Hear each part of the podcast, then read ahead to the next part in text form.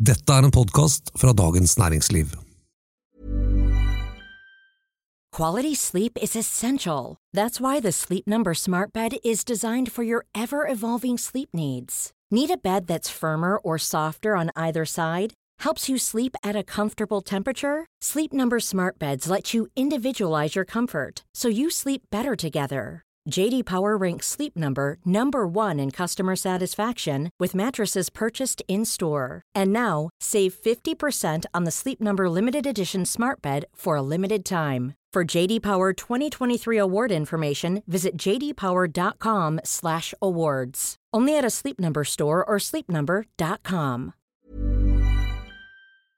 Ja, etter et halvt år med kritikk, fakkeltog langs kysten, elendige meningsmålinger og børsskrell for oppdrettsselskapene, la regjeringen fram et nytt skattesystem for havbruksnæringen tirsdag. Og da ble vel næringen fornøyd, da? Eh, nei, ikke de andre partiene heller. Diskusjonen fortsetter, og først så tar vi den i ukens episode av Finansredaksjonen. Det er en podkast som lages av oss her i Dagens Næringsliv. Jeg heter Anita Hoemsnes og er kommentator. Og så er det Bård Bjerkholt, eh, også kommentator. Og jeg heter Tor Isan Jensen og skriver om aksjer.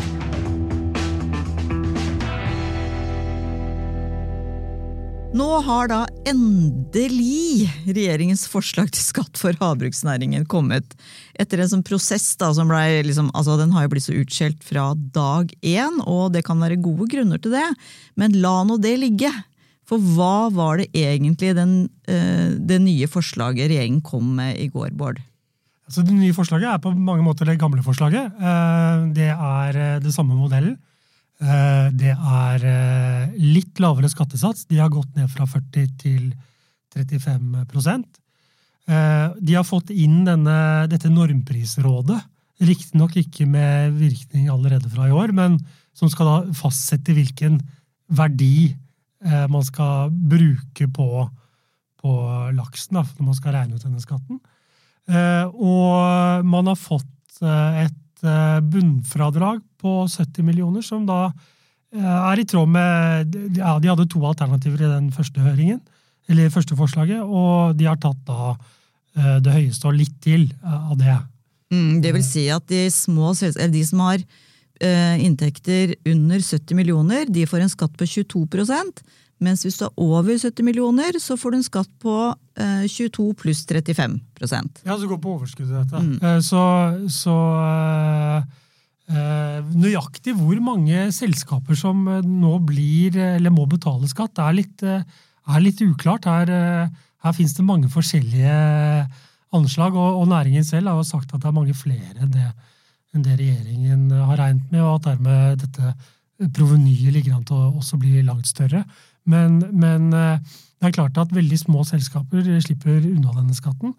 Eh, Og den treffer eh, først og fremst da de store, som, som jo sitter på mange av, av konsesjonene. Så hvis du regner på liksom som andel av, av eh, totale virksomheten, så er det en god del som må betale skatt. Men det er altså mange selskaper som, som eh, slipper unna her. Mm. Og da, hva skjedde på børsen da, Tor Christian, når denne meldingen kom?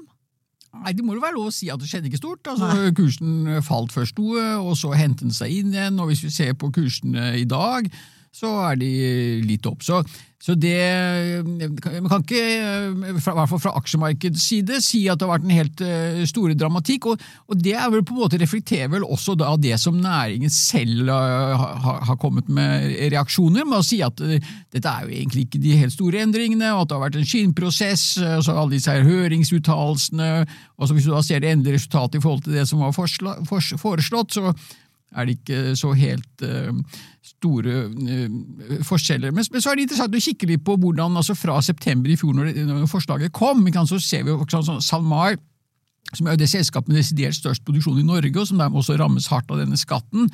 Den aksjen falt, halverte seg nesten. altså Meget dramatisk. Og så har den aksjen steget markant, det må være lov å si, siden, siden bunnen, men den er jo langt fra du hva, tilbake til der hvor vi startet i september i fjor, ned ca. Sånn 30% Ser vi dermed på Movi, eller Movi som det kanskje uttales, som jo er, har en mye større andreproduksjon. Der Fredriksen er største eier. Og staten for å stor eier på Kypros, og det har jo finansminister Medum vært brukt en haug ganger nå, at han vil ikke at pengene skal havne på Kypros, mm. som et forsvar for denne skatten. Ser vi på Movi, da, så falt også den aksjen mye, men ikke så mye som SalMar, altså ca. 30% Og ser vi i dag, så er aksjen ned ca. 7-8 målt mot i, mot i, september. Så her ser vi da altså sant, det er store utslag fra selskap til selskap, og det som styrer det, er jo andelen produksjon her hjemme. Mm. Men det er jo litt sånn der, litt forvirrende det hele, det må jeg bare si. Så hvis vi bare skal ta, for at det, Hadde det vært sånn at det bare sant, Grunnrenteskatt. At man hadde da beskatta disse oppdrettsselskapene for bruken av det kalde vannet og rene fjorder osv. Så, videre, så hadde det på en måte vært litt sånn lettere å skjønne. Men, men når de på en måte går inn i en bransje som nå har tjent uhorvelig mye penger de siste årene, men som tjente ikke noe penger i det hele tatt i veldig mange år, og så prøver de å sammenligne det med oljenæringen, hvor grunnrenteskatt ble innført med én gang, vannkraft, hvor det ble innført med én gang. Hva er det som er problemet da med å liksom kalle dette en grunnrenteskatt, sånn, sånn som liksom teorien eh, betegner det, Bård? Ja, eh, nei, altså Problemet her, ikke sant? Det, det opprinnelige problemet, eller ursynden, om man vil, eh, stammer jo fra at politikerne ga bort eh, disse konsesjonene som var evigvarende eh, i utgangspunktet. Og det er klart, Helt i, i, starten, hvis man går langt nok tilbake i tid, så var det jo ingen som eh, skjønte eller trodde eller eh, kunne håpe på at eh, dette ville bli verdifullt. Men så har man jo gradvis sett at det har blitt eh, både eh, har oppnådd en vanlig lønnsomhet, og etter hvert også en sånn ekstraordinær lønnsomhet. Så nå er det jo mye mer lønnsomt enn annen, en annen industrivirksomhet i Norge. Og, men så hadde man liksom hatt grunnrenteskatt på et tidlig tidspunkt, og altså at staten hadde vært med og tatt sin andel av investeringene. Ja, for det er jo en sånn type kontantstrømskatt. Kan ikke du bare eh, forklare det? Ja, eh, eh, Den modellen man har for den type skatt i Norge, er jo eh, en sånn eh, Altså kontantstrøm må det ikke nødvendigvis være, men, men at man har en modell hvor du får fradrag for investeringen, og når det er kontantstrømskatt, så får du alt dette, hele dette fradraget mm. med en gang du gjør investeringen. Eh, og så, eh, til gjengjeld, tar jo da staten Så staten er med å finansiere det. Og så, til gjengjeld, så må du betale mer skatt, sånn at staten får tilbake disse pengene. Så du kan se da staten som en sånn passiv partner mm. i prosjektet. Og, og poenget er at både i olje og i vannkraft så var jo eh, staten ganske tidlig inne med denne modellen, og var altså en partner da investeringene ble gjort. Eh, og i vannkraft så, så, så skjedde jo ikke dette eh, skjedde jo dette ganske få år så vidt jeg husker, etter liberaliseringen av kraftmarkedet, hvor vannkraften fikk en stor verdi etter hvert. Men mens i oppdrett så har jo dette skjedd lenge etterpå. Og, og, og skatten får jo da et visst preg av at vel, private tok risikoen, og så kommer staten eh, etter eh, når det er blitt veldig lønnsomt og forsyner seg av kaken. Og det er klart at det, Selv om en sånn modell, skattemodell i teorien er såkalt investeringsnøytral, at den ikke har noe effekt på investeringene, så er det jo fare for at dette vil få det. Fordi mm. eh, investorer vil jo tenke ja vel, er det sånn at eh, vi tar risikoen, vi investerer, og så kan staten etterpå eh, komme og, og ta 40% av overskuddet. og det det må jo selvfølgelig være visse vilkår uh, osv., men, men, men klart, det, dette er nok en risiko. Um, og, og, som vi har sett også, den, den uh, havbruksskatten nå uh, gjelder ikke uh, på, på, havbruk til havs.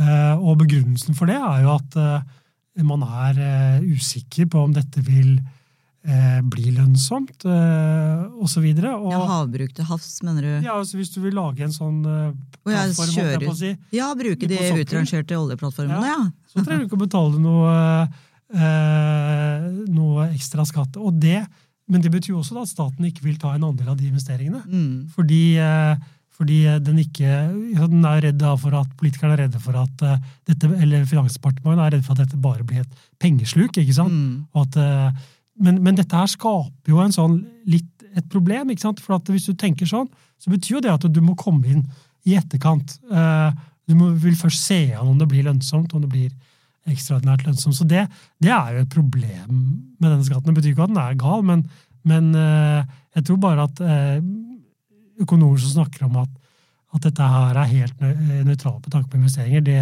det det spørs, altså. Mm. Hva tenker du om eh, usikkerhet og risiko og sånn? Det er skikkelig snacks for aksjemarkedet, Tor Christian? Ja, dette er jo utrolig spennende, og jeg har jo da hatt gleden av å følge dette fra aksjemarkedets side, og jeg har skrevet en god del børskommentarer om det, og det har jo vært ho ho mitt hovedanliggende har vært prosessen, da.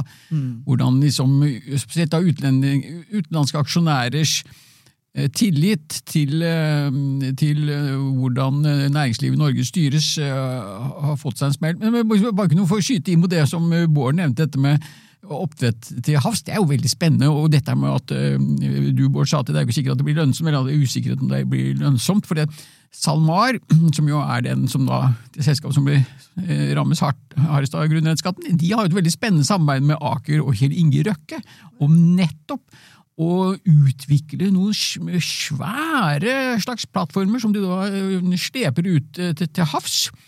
Uh, og da er i hvert fall mitt take på dette at siden Kjell Inge Røkke og Aker er med på dette, så kan vi bare trygt anta at dette blir lønnsomt.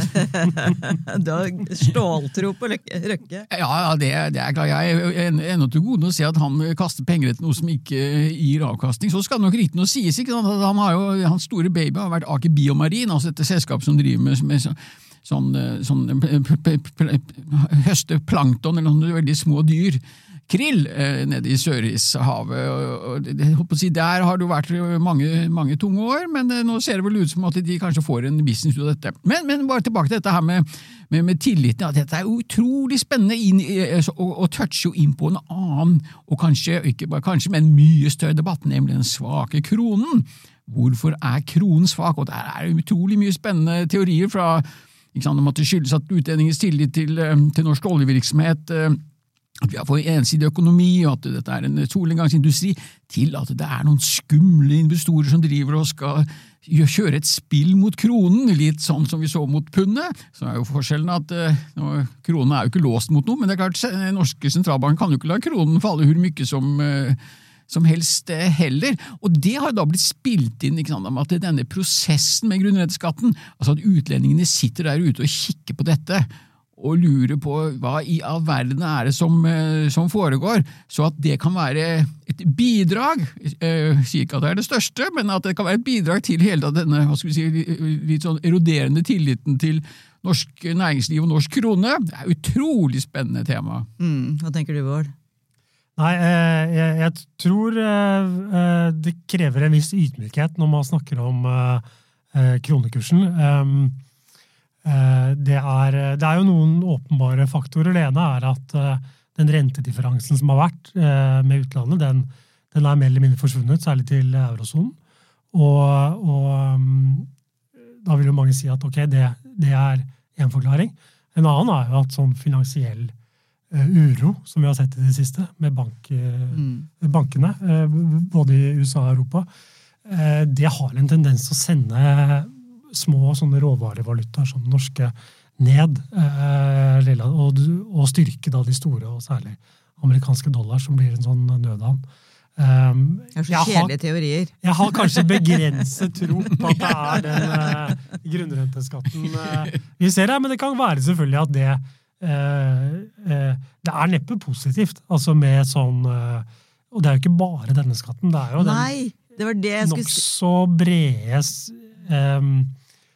menyen av økte skatter som, som Støre og co. Har, har, kommet med. Så, så, at det skaper en viss uro, og, og kanskje også en sånn økt sånn risikopremie, det, det, det kan man ikke se bort fra.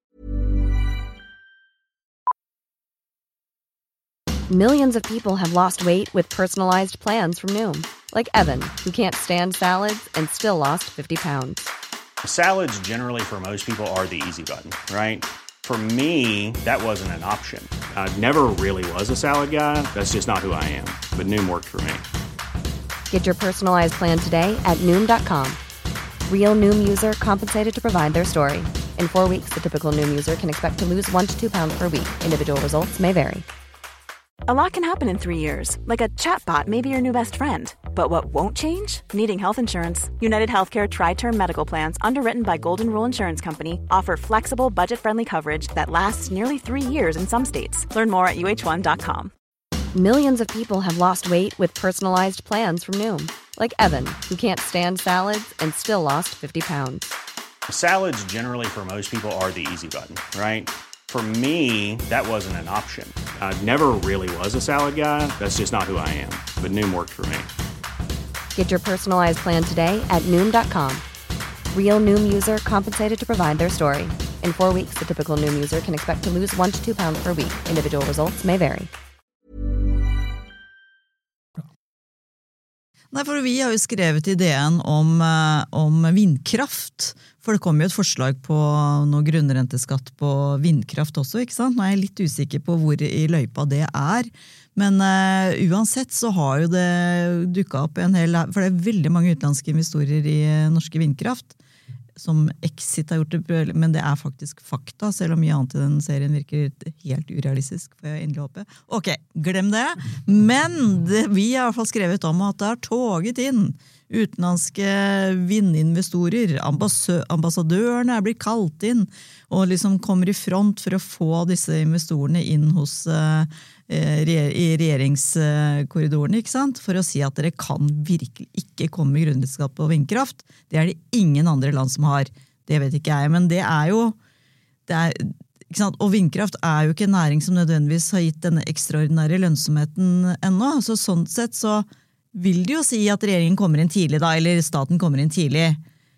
Men det, ikke, men det blir jo ikke problemfritt for det. Eh, nei, det blir jo ikke det, fordi eh, altså, de investorene som er der, eh, oppfatter jo dette naturlig nok som et løftebrudd. Mm.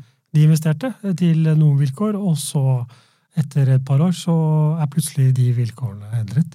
Um, og det er klart, med, med, kraftkrisen i Europa så jo, har jo all kraftproduksjon blitt, blitt uh, veldig lønnsomt. Så, så uh, du kan si at sånn sett er det gode grunner til å skattlegge det mer, men men, ehm, men, du har litt det samme problemet. altså At du har eh, Staten sier noe eh, eh, i år én, og så sier den noe helt annet et par år etterpå. Mm. Og vi legger jo merke til nå at olje- og energiminister Terje Aasland han er ute og garanterer at det ikke kommer noe grunnrenteskatt på havvind. Um, og, det, og det er jo heller ikke lønnsomt i øyeblikket. Men eh, da har man jo skapt det samme problemet i fremtiden, kanskje, eh, når det viser seg, eller hvis det viser seg at dette etter hvert blir eh, veldig lønnsomt, så vil det jo være fristende igjen for staten å komme mm. med og forsyne seg. Og Der må det jo sies altså at Hvis du tror på garanti fra en politiker, da har man virkelig skapt seg et stort problem. Altså. jeg, var på, jeg så på Debatten i går, og da var det hun, hun eh, Line Ellingsen fra Ellingsen Seafood som, som, som sa dette. da, at blant annet for, det som er litt problemet med det skatteforslaget òg, de putter inn masse sånn krydder, eller hva jeg skal si. altså De lager litt sånn spesielle ting. Det er ikke en ren skatt som går rett på grunnrente. Én eh, ting er jo skattekronene skal gå mye til fylkene og til kommunene.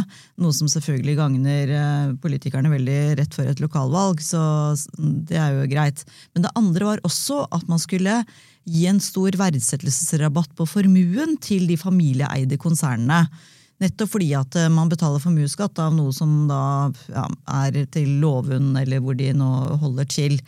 Um, og da sier hun Ellingsen at det da Ja, og det er heller ikke liksom sånn garantert. Det er sånn, det skal gjelde i fire år, sier hun da med, i, i, dette forslaget. Og da sier jo Vedum, da, finansministeren, at jo jo, men uh, vi, vi kan jo aldri Et skatt gjelder for ett år av gangen sier han da. ikke sant? Det var sånn. Ja, Det er ganske morsomt. Det, det, det, nettopp det politiske elementet der er jo den der gode gamle vitsen da, om at eh, det er to ting du ikke ønsker å se bli, bli laget i denne verden. Det ene er pølser, og det andre er politikk. Ja. Og Det er også dette her med denne her eh, bunnfradraget. ikke sant? Og Det har jo økonomene påpekt at dette er jo som å be om uh, tilpasninger. Man vil jo da selvsagt gjøre alt man kan for å havne under den, den grensen. Altså, og det blir da et incitament til at du skal ha færre enheter, som økonomisk i hvert fall ikke er optimalt. Så, så, sånn er det jo med alle skatter som, som innføres. Aktørene vil alltid prøve å tilpasse seg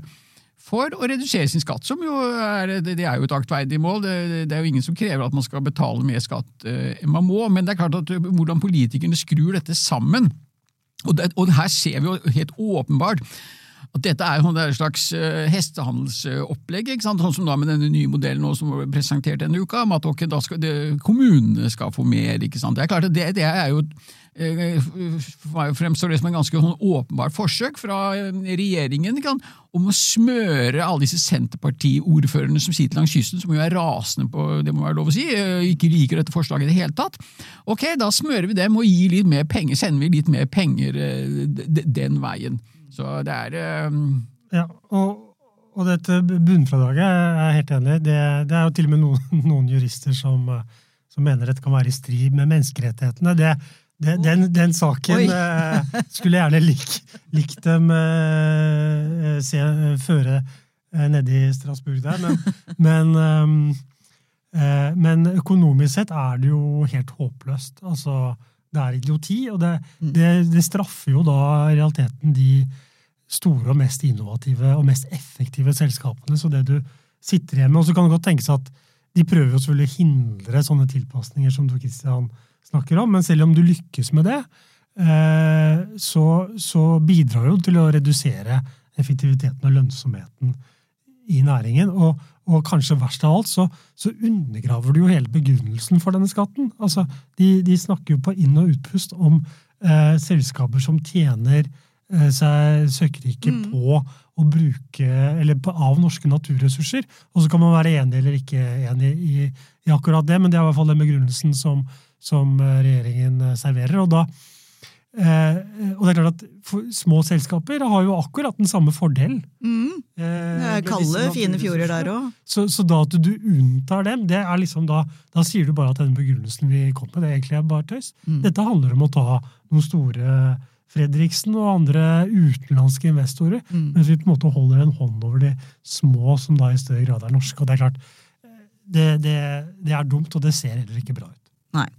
Og Jeg synes at, eh, jeg så som sagt debatten i går, da, og da var jo Karen, eh, Karen Helene Ultveit Moe, som er økonomiprofessor, men først av alt leder av Havbruksutvalget, som i 2019 la fram et grunnrenteforslag som ble klinka ned i søppelkassa. Mm før det egentlig var lagt frem. Mm. Og særlig fordi da partiene som nå sitter i regjering, sa at vi skal ikke ha grunnretteskatt på havbruk. Så det er jo med den altså bygons, sånn er politikere, apropos pølser og alt det der. Men i går parkerte hun den oppdrettsnæringen så til de grader, altså. For hun sa liksom at sant, til de der eh, to familiene, eller de representantene for næringen som var der, som var veldig skuffa over regjeringens forslag, liksom, fordi, og de mente at liksom, næringen er så spesiell og komplisert at, uh, at liksom, regjeringen hadde ikke skjønt helt liksom, hvordan den egentlig var satt sammen. Og, og da sa Ulta Edmo nei, jeg syns ikke næringen er verken spesiell eller komplisert. Ja. Det eneste som er spesielt med næringen, er at de blir så veldig lytta til.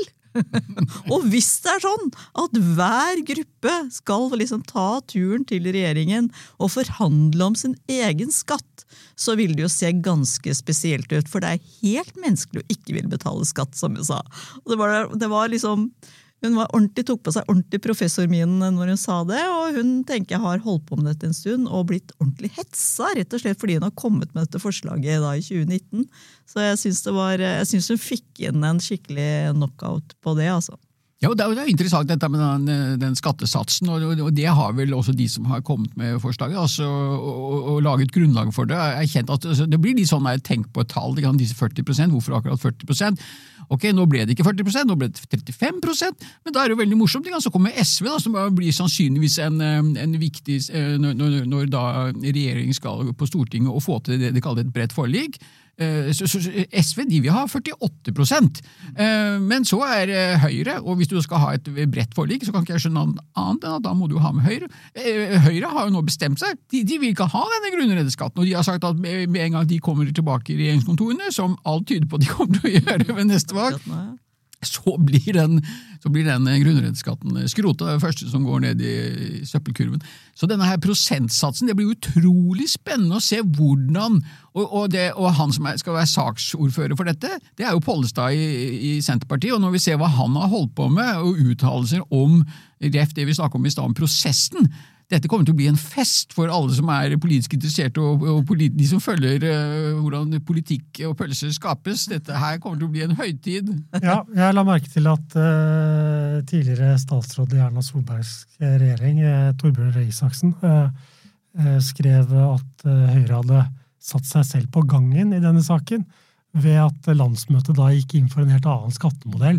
For man kunne jo tenke seg her ikke sant, at at, at uh, i stedet for det uh, um, kom regjeringen i møte, men foreslo da en, en handel hvor, hvor, man fjernet bunnfradraget, som sannsynligvis selvfølgelig ville være nokså smertefullt, vil jeg tro, spesielt for Senterpartiet, men, men til gjengjeld fikk satt satsen ned. Mm. Um, som en slags kompromiss, fordi i hvert fall hvis regjeringen er så interessert som den sier, Eh, i å få til et bredt forlik, så, så, ville kanskje det vært mulig. Men nå ser jo det vanskelig ut. Nå ser det jo tvert imot ut som Høyre bidrar til å styre Støre rett i armene på SV, som da vil ha eh, 48% ikke sant? Så, så, så, sånn sett kan det tenkes at Høyre da har faktisk greid å gjøre denne skatten enda mer belastende for næringen enn den kanskje kunne ha blitt. Jeg syns det, det, er litt sånn problematisk det Høyre har gjort, egentlig, å binde seg til en helt annen modell. ikke sant, Den færøyske modellen hvor det skal innføres produksjonsavgift da, istedenfor å ja, produksjonsavgift på produksjonen av, eh, av eller i oppdrettsnæringen. Eh, som eh, skatteutvalget med Torvik eh, osv. har sagt at det er en dårlig idé, ikke sant, og at den, den modellen er liksom ikke god. da. Men ved at, altså? Jeg tenker jo det, Hvis Høyre kommer tilbake i 2025, og det er en grunnrenteskatt som da har fått satt seg, og det funker, og man har fått noen tilpasninger Det er mulig at de kommer til å senke satsene, men at de da kaster ut den modellen, eh, som bringer sikkert ganske mange milliarder inn i statskassa på et punkt hvor vi er enda flere eldre, og gudene veit hvilken pandemi som har kommet da, det ja, det er litt spesielt, altså. Det, det, det ikke, vi har ikke sagt det siste ordet i denne saken. Ja, det, er veldig, det, er jo veldig godt poeng. Og, og, det er klart, ikke sant, altså En midlertidig skatt altså, man, man, har aldri sett en midlertidig skatt eller skatt som, som, som, som altså, som helt enig du sier. altså Mye taler jo da for at har først skatten kommet, så vil den bli værende uansett eh, at eh, dette forslaget skal til Stortinget, og der skal det da forhandles om. Og håpet er jo selvfølgelig at dette skal landes før sommeren. Fordi eh, denne skatten gjelder jo for i år. Det var jo et av de store, liksom, den store kritikken mot hele forslaget. ikke sant? At man er starter 2023 med en skatt man ikke aner hva blir. Så, så målet må jo være at det presses fram før sommeren. Men du verden, det kommer til å bli litt baluba før det. Og det vet jeg ikke hvordan kommer til å reagere på børsen heller, men uh, du skal ikke se at det blir litt uh, hva heter det for noe, litt sånn volatilt, som det så godt heter. Fint, da har dere fått en liten innføring i, eh, i første trinn av den nye skatte, skattediskusjonen for havbruk. Og jeg håper dere ble bitte litt klokere av det. Tusen takk for at du hører på Finansredaksjonen. Tips gjerne venner og kjente om at vi finnes. Vår produsent er Gunnar Bløndal. Ha det bra!